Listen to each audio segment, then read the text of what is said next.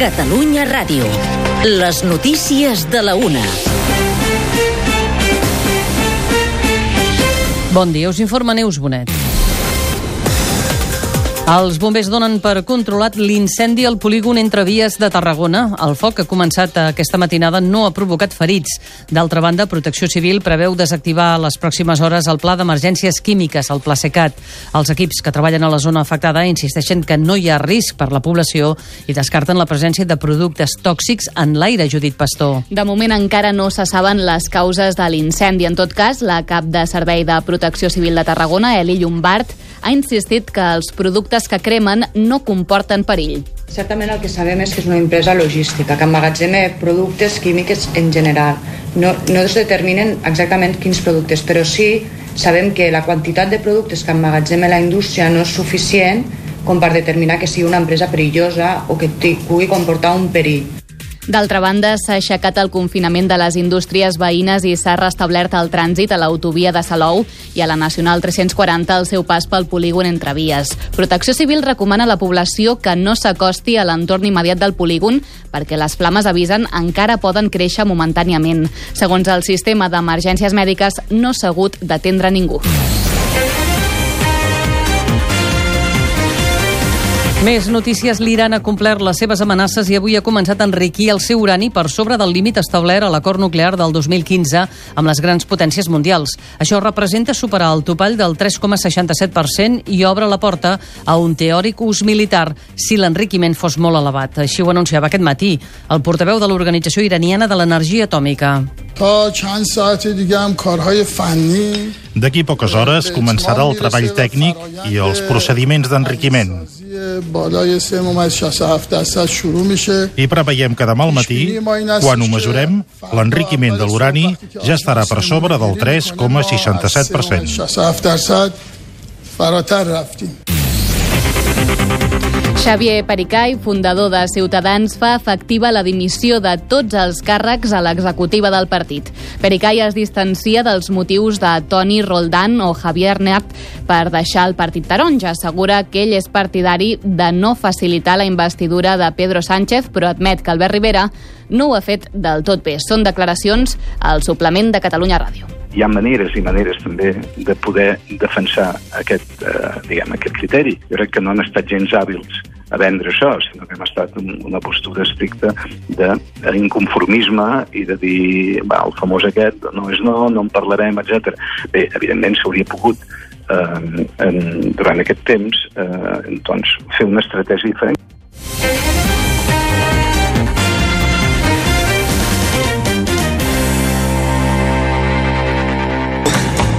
Your toes are still smoking. Ha mort l'actor de Disney Channel Cameron Boyce, tenia 20 anys, s'estava tractant d'una malaltia que no ha transcendit.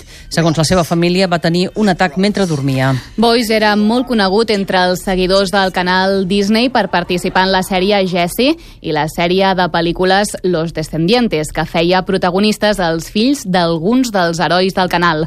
Boyce va néixer a Los Angeles i ja va debutar al cinema als 11 anys a la comèdia Niños Grandes, al costat de Salma Hayek i Adam Sandler. L'actor de la factoria Disney també s'havia dedicat a fer activitats benèfiques. Tenia gairebé 9 milions de seguidors al seu perfil d'Instagram.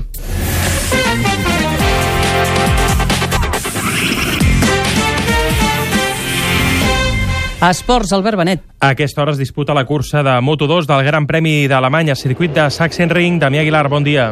Bon dia, Àlex Márquez ha guanyat la cursa del Gran Premi d'Alemanya en Moto2, quarta victòria de la temporada i recupera el lideratge. Ha superat Binder i Rotter, el fins avui líder Luti ha estat cinquè, a més a més sancionat per tirar Xavi Bierge, Àlex Márquez, que se'n va de vacances líder amb 8 punts més que Tom Luti.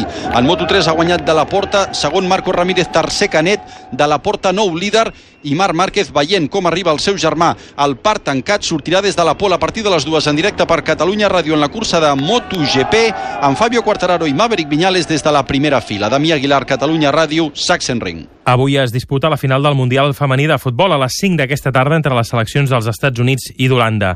Avui també es disputa la final de la Copa Amèrica entre el Brasil d'Arturi, Coutinho i el Perú a les 10 del vespre, hora nostra. Messi va rebre la segona expulsió de tota la seva carrera en el partit pel bronze que l'Argentina va guanyar davant de Xile per 2 a 1. Antoine Griezmann no es presentarà aquest vespre al primer entrenament de pretemporada de l'Atlètic de Madrid, tot i que ja està convocat juntament amb els que encara són els seus companys. A través dels seus advocats ha avisat al club madrileny que vol pagar la clàusula de 120 milions d'euros i fitxar pel Barça.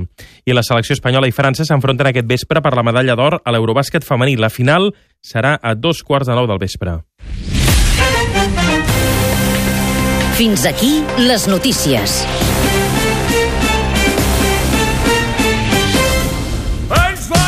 Die Welt Gehort uns. Die Welt Gehort uns. L'estiu és ideal per aprendre idiomes. Wir sind eine Weltmacht. Què dius? Algú sap què vol dir això? Som una potència mundial. Danke, tro! El campionat arriba a Sachsenring i, tradicionalment, el pilot que surt líder d'Alemanya acaba guanyant el Mundial. Fantàstic!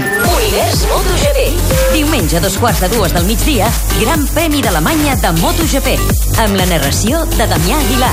Perquè el Mundial és wunderbar. Si animes fins a quedar-te sense veu, si penses en gran des que ets ben petit, si creus que la família no és només un cognom, si el blanquiblau és el color de la teva bandera, però sobretot el del teu cor, abona't. Perquè el que es viu a l'RCD Stadium no es viu en lloc. Espanyol de Barcelona, temporada 2019-2020. Més informació a rcdespanyol.com. Quin planeta deixarem a les generacions futures? Quin és el futur de les centrals nuclears? En parlem a l'Atlàntida de Vic el dijous 18 a les 6 de la tarda al debat Descontaminar. En el marc del cicle Ara pensem, cap a la Catalunya que volem. Entrades a promo.ara.cat barra descontaminar. Organitzat pel diari Ara amb el patrocini de Banc Sabadell. És swag, és flow, és chill, és top. Clotilde Fest, novíssima música catalana per viure les nits d'estiu. Del 21 de juny al 19 de juliol al Jardí del Palau Robert de Barcelona. Aconsegueix la teva invitació a palaurobert.gencat.cat amb la participació de l'Agència Catalana de la Joventut. Generalitat de Catalunya, 7 milions i mig a futurs. M'encanta inspirar-me, rebel·lar-me, enamorar-me i plorar davant d'un quadre, davant d'una escultura o davant d'una cançó. Perquè l'art només existeix si hi ha algú que l'admira, perquè en realitat l'obra d'art ets tu. This is Art, amb Ramon Gené, els diumenges a la nit a TV3. A Catalunya Ràdio estem a punt. Fem un bon equip. Des del mòbil o l'ordinador. En directe o en podcast. A través de les nostres apps, al web i Spotify. Som la ràdio digital que sempre va amb tu. catradio.cat On tens ràdio en viu i a la xarxa. Desperta, Catalunya! Estàs a punt? Tens l'actualitat minut a minut. Serveis informatius. Tens els àudios destacats del dia. Amb concursos, entrades per espectacles, enquestes. Xateges caminant pel carrer? El 77%. Els programes temàtics de Més Cat Ràdio. La música és electricitat. I l'accés directe als quatre canals de l'FM per viure una experiència de ràdio global. Tens Catalunya Ràdio. Estem a punt.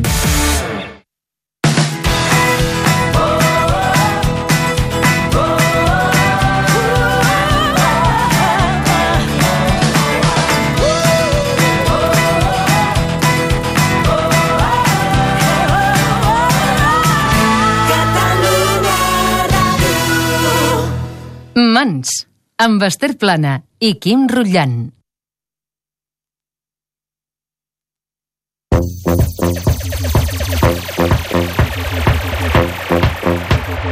Mans. Estem a punt.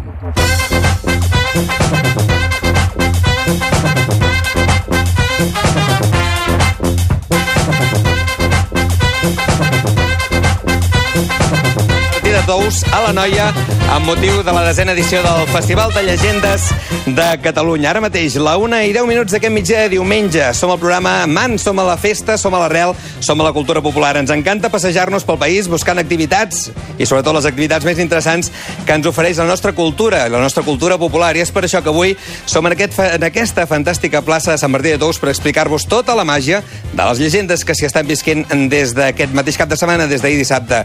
Històries rescatades de la nostra tradició posades en escena amb la màxima qualitat pels millors artistes i tot plegat en un espai que convida a somiar. Ahir la nit ja es va poder viure el que s'anomena la Pagada del Misteri, un recorregut il·luminat per 6.000 espelmes en el que els espectadors van poder conèixer un munt de llegendes misterioses. Una d'elles, de fet la última, interpretada per l'actriu Clara Segura.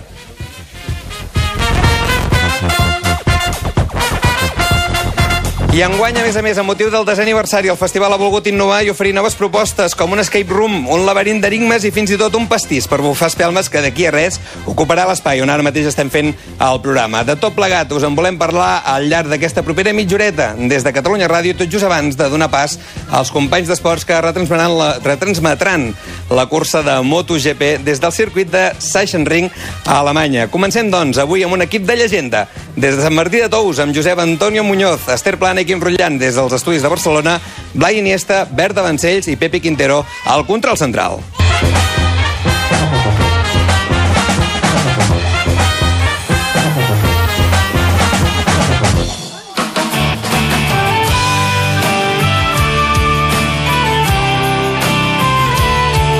Que no t'ho expliquin. Connecta't a la festa. Que aquest és el Festival de Llegendes de Catalunya i que es faci a Sant Martí de Tous no és casual, i és que aquesta població de la comarca de la Noia en té moltíssimes de llegendes pròpies. Des de fa una dècada, a més a més, s'ha convertit en la capital d'aquest gènere, tenint com a objectiu principal la seva recuperació i difusió. I cal dir que cada vegada més públic. Saludeu. Som ara mateix a la plaça de l'Ajuntament, gràcies, amb força gent que ens segueix i també amb el seu director, el director del festival, Sergi Vallès, bon dia. Molt bon dia. Amb aquests 10 anys heu complert els objectius que us havíeu proposat? Jo crec que sí, estem molt contents. Uh, avui mateix tenim programació per a adults, per famílies, i tenim tots els escenaris plens. Per tant, això vol dir que les llegendes, les històries populars, tenien un lloc. Mm -hmm. Tenien un lloc i segurament fins i tot ha canviat la percepció de la gent sobre les llegendes. Heu sapigut vendre l'altra cara d'aquelles llegendes que s'havien anat explicant, potser fins i tot, no? Sí, precisament per això, perquè no hem d'oblidar que és que ens expliquen a nosaltres, ens identifiquen, i potser només és la manera de, de transmetre-les, és a dir, trobar noves maneres, nous mitjans, i que no només sembli un producte arcaic que tenim allà guardat a les prestatgeries. Mm, està clar. Tots els anys convideu a un actor conegut del nostre panorama teatral a escenificar alguna d'aquestes llegendes. Això ha fet que els mateixos actors potser fins i tot canviessin la percepció que tenien. No sé. Ah, no ho sé, això ja ho hauríem de preguntar a ells. Avui en tenim uns quants aquí. Sí, els anirem tinguent al programa i, per exemple, aprofitem que tenim a la Clara Segura. Clara, bon dia. Hola, bon dia. Ha canviat la percepció o no? Um, sí, perquè d'alguna manera eh, el fet de dramatitzar aquestes llegendes i, i fer ahir el que vam fer amb la pagada L'apagada o l'encesa, mai sé si és Apagada apagada. Vale. Bueno, hi ha un moment que s'encén i un moment que s'han d'apagar, això rai. Tot el que s'apaga s'encén. Exacte. I, doncs, d'alguna manera, te n'adones que, que les llegendes, aquesta és la gràcia, no és com les cançons populars, que tothom alguna o molta gent ens la sabem, però cadascú té la seva variant i la seva, el seu petit matís, i això és el que fa que estigui viu, no? I el que fa que diguis, ah, no, però jo sabia que en realitat ell el que feia és que la matava, però no. I d'alguna manera jo penso que, a part de que és molt bonic de veure, és preciós de veure com tot el poble queda a les fosques i com tots van passant pel, per diferents carrerons i van veient escenificats diferents llegendes o trossos d'una mateixa llegenda eh, te n'adones d'això, de, que pot, de que pot ser una experiència molt, molt, mm, molt frapant i molt viva alhora. I que també té els seus punts de misteri i una part truculenta de la vida, una part més eh, bèstia de la vida, no? La part que les llegendes una miqueta... El lado més bèstia. Exacte, una mica el cantó més fosc de... I moltes vegades el seu material que ens toca molt de prop, no? Perquè són històries que ens han explicat a casa, fins i tot. Per tant, apel·len a la part més Clar, i a més- íntima de tots i familiar. Clar, i a més el, el, el boca-orella de la tradició oral et fa que en realitat diu no, no la va conèixer la teva àvia, sinó que la teva besàvia va ser veïna de la que... I quan et posen aquesta cosa tan quotidiana, tan a prop, tan propera, d'alguna manera tu també sents part que formes part d'aquella família de la llegenda, no? La Clara Segura, eh, precisament, ara ens ho explicava, va ser l'encarregada de tancar la pagada del misteri, un dels actes sempre més importants, Sergi, que, que treuen més gent. Hi havia cues que travessaven el municipi de punta a punta, eh? Sí, precisament la pagada de misteri i els racons de llegendes són les dues activitats vertebrals del festival que des del primer any hi són. I ahir la Clara, gràcies per fer-ho, uh, va estar aquí uh, fins al final. Ahir vam obrir per primera vegada el torn de la 1.30, per tant van passar més de 1.270 persones i això és un èxit. És a dir, hem arribat als 10 anys molt contents. Toca una persona cada dues espelmes. Sí, més o menys. En aquest Hi cas... ha més espelmes que persones. Sí, sí, sí. Eh, Què tal l'experiència, Clara? Molt bé. El que va ser molt bonic és que jo també per, per tal i com estava organitzat vaig poder fer el passe anar amb el passe de premsa en dieu, no? Que, perquè encara no hi ha el passe de públic, perquè si no jo si comencés el passe no podria arribar al final. I clar, va ser un luxe poder veure el que veu la gent, perquè a vegades ens passa que participem a coses però no podem veure el que fan abans. I jo per, per, per aquest moment de poder fer el passe de premsa vaig veure el, el que és això. Ho vaig veure amb llum, que encara ha de ser més bonic veure-ho realment sense llum, i és molt especial. Realment ho recomano per la gent que vingui l'any que ve, que és molt especial de veure. La Clara, a més a més d'actuar, avui ha pogut fer de públic, m'han dit que t'han vist en un espectacle que es diu Titiritriqui. Sí. Què tal, l'experiència del Molt festival bé. en si i aquest espectacle concret? Molt bé, i ara encara em quedo una estoneta, vull dir que quan no tinc funció, que, que és el cas d'avui, doncs pots gaudir d'aquestes coses amb, amb plenitud i amb la família, que és com hem vingut. Mm -hmm.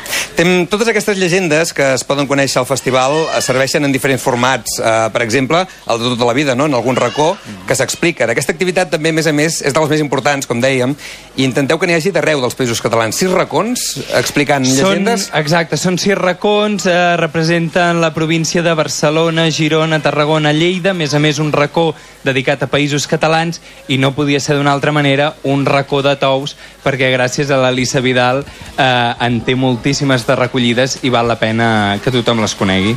I tota la gent que ve a explicar les llegendes, la gent s'ha d'imaginar s'ha de venir amb certa tècnica. No pots venir aquí i llegir-te la llegenda davant del públic perquè la gent faria... El Festival de Llegendes directament. té una programació professional i després una altra d'arrel eh, popular no, no professional, però efectivament els racons de llegendes són amb actors preparadíssims. Però fins i tot heu organitzat tallers. Si algú en vol aprendre... Exacte, està en funcionament el taller de l'art d'explicar, que és per això, per si algú té ganes de conèixer aquelles eines bàsiques per poder transmetre històries. Clara, algun consell a aquesta gent que estiguin en tallers? Ai, no, no, no, jo no sé, jo no sé, no sóc experta de llegendes, però bueno, en el fons, sí, en el fons és, en el fons es, es redueix a la, a la part més essencial, no?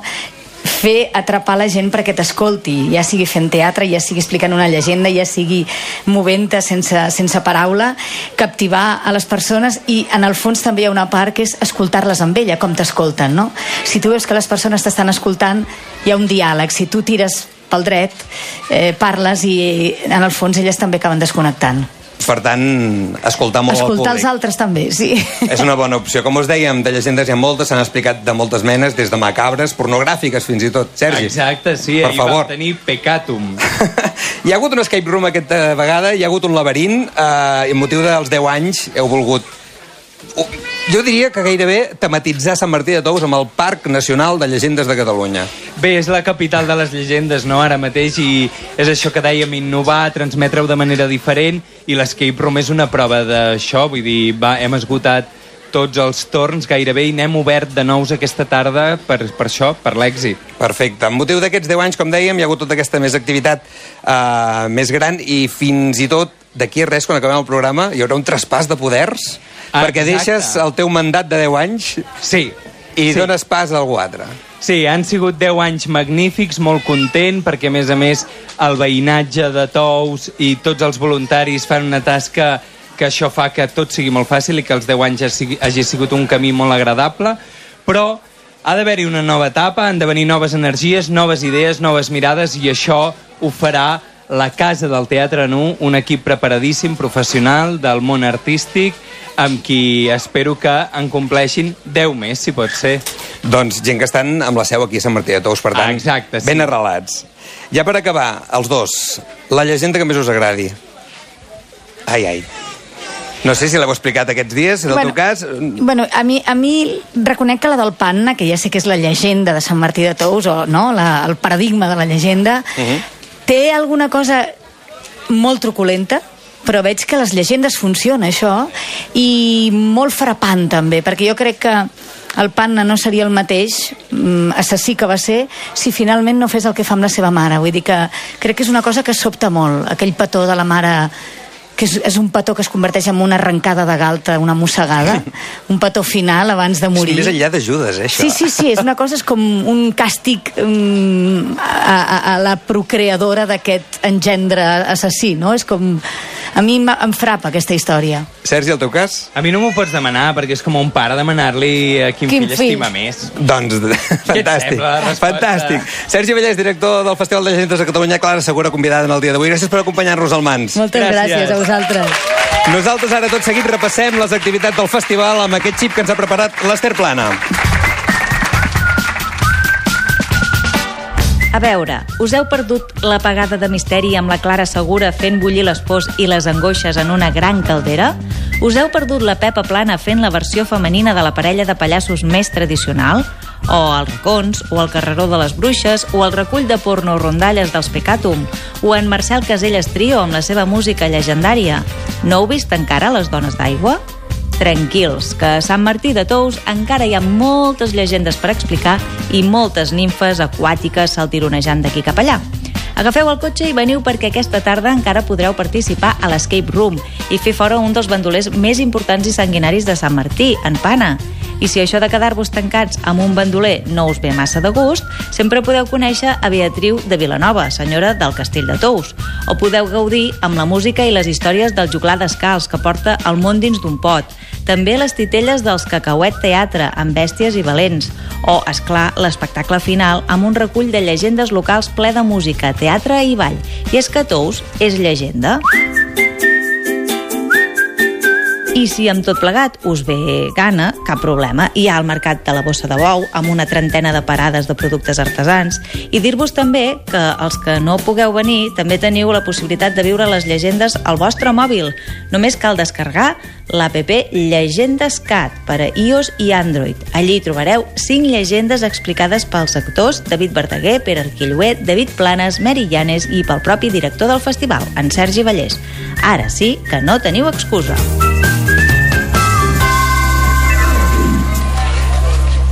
Una i 21 minuts, gairebé dos quarts de dues d'aquest migdia. Seguim en directe de Catalunya Ràdio des de Sant Martí de Tous explicant-nos tot el que s'hi està visquent amb motiu d'aquest desè Festival de Llegendes de Catalunya. Ens acompanyen a la taula del Mans la Pepa Plana i la Noel, la Noel Oliver. Hola, bon dia.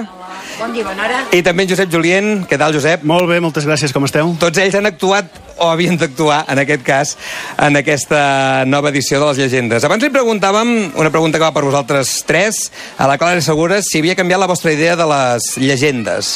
Si us ha obert alguna nova perspectiva el fet d'haver de treballar alguna llegenda de la nostra cultura popular i tradicional, o ja ho teníeu molt assumit, Josep? No, sempre ho tens assumit. També és veritat que quan eh, t'has d'enfrontar amb un text, sigui de la naturalesa que sigui, i profunditzes una mica i sempre se t'obren portes i finestres noves. Uh, en aquest cas, jo que he hagut de fer, uh, per, el, Sergi em va embolicar per fer una, una lectura d'una sèrie de legendes així de caire una mica eròtic o, o picantones, doncs uh, ha sigut agradabilíssim comprovar com segles enrere uh, la gent també anava com ruenta més, potser més cara i les coses que feien per expressar aquesta, aquest erotisme. Uh -huh. Ara parlarem d'aquests relats entre pinzells, abans mm -hmm. permetem. Pepa, tu, la, la tradició t'ha sobtat, les llegendes... Nosaltres, enguany, jo crec que va bé el micro. Sí, sí, se't sent, no pateixis. No, nosaltres enguany el que fèiem és la presentació del Veus que no veus, que és un espectacle que ja portem i havíem adaptat alguna coseta. Però sí que, revisant llegendes, que vaig tenir la sort de, de jugar-hi fa 3 anys, eh, que machistes que són. En sèrio, en sèrio. I estic molt d'acord, Pepa. Hem de fer Sí. una reflexió seriosa perquè de veritat que totes les dones sortim mal parades a les llegendes. Sí, Noel, també penses el mateix? Sí, a, les llegendes i als contes, eh? normalment les bruixes, eh? la dona dolenta que mata els nens del, del bosc... Fatal, tu, això no podem anar així, eh? En el vostre cas, a més a més, eh, primer que no és la primera vegada, Pepa, que participes al festival, i ha aquesta vegada amb el Veus que no veus, una versió femenina de números d'entractes que feien els pallassos. De les entrades clàssiques, de les anomenades entrades Que clàssiques... era allò d'entretenir el públic, no? No, són números. Són números. Són números que tenen una durada de, de 8 minuts, eh, depèn de, de, la, de les entrades, i sempre s'han fet en masculí, esclar, la, una vegada més la història ha estat escrita en masculí, els pallassos...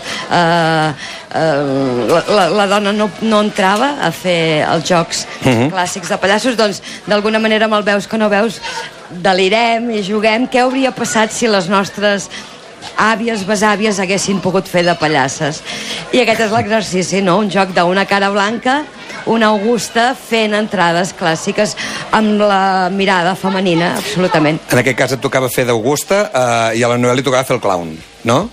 Sí, correcte. Uh, bé, això és una... La Pepa sempre deia que si mai feia un duo jo era la seva pallassa blanca. I un dia ho vaig... Ha arribat. I, i ha arribat el moment. Jo no ho havia fet mai, eh? És la meva primera vegada.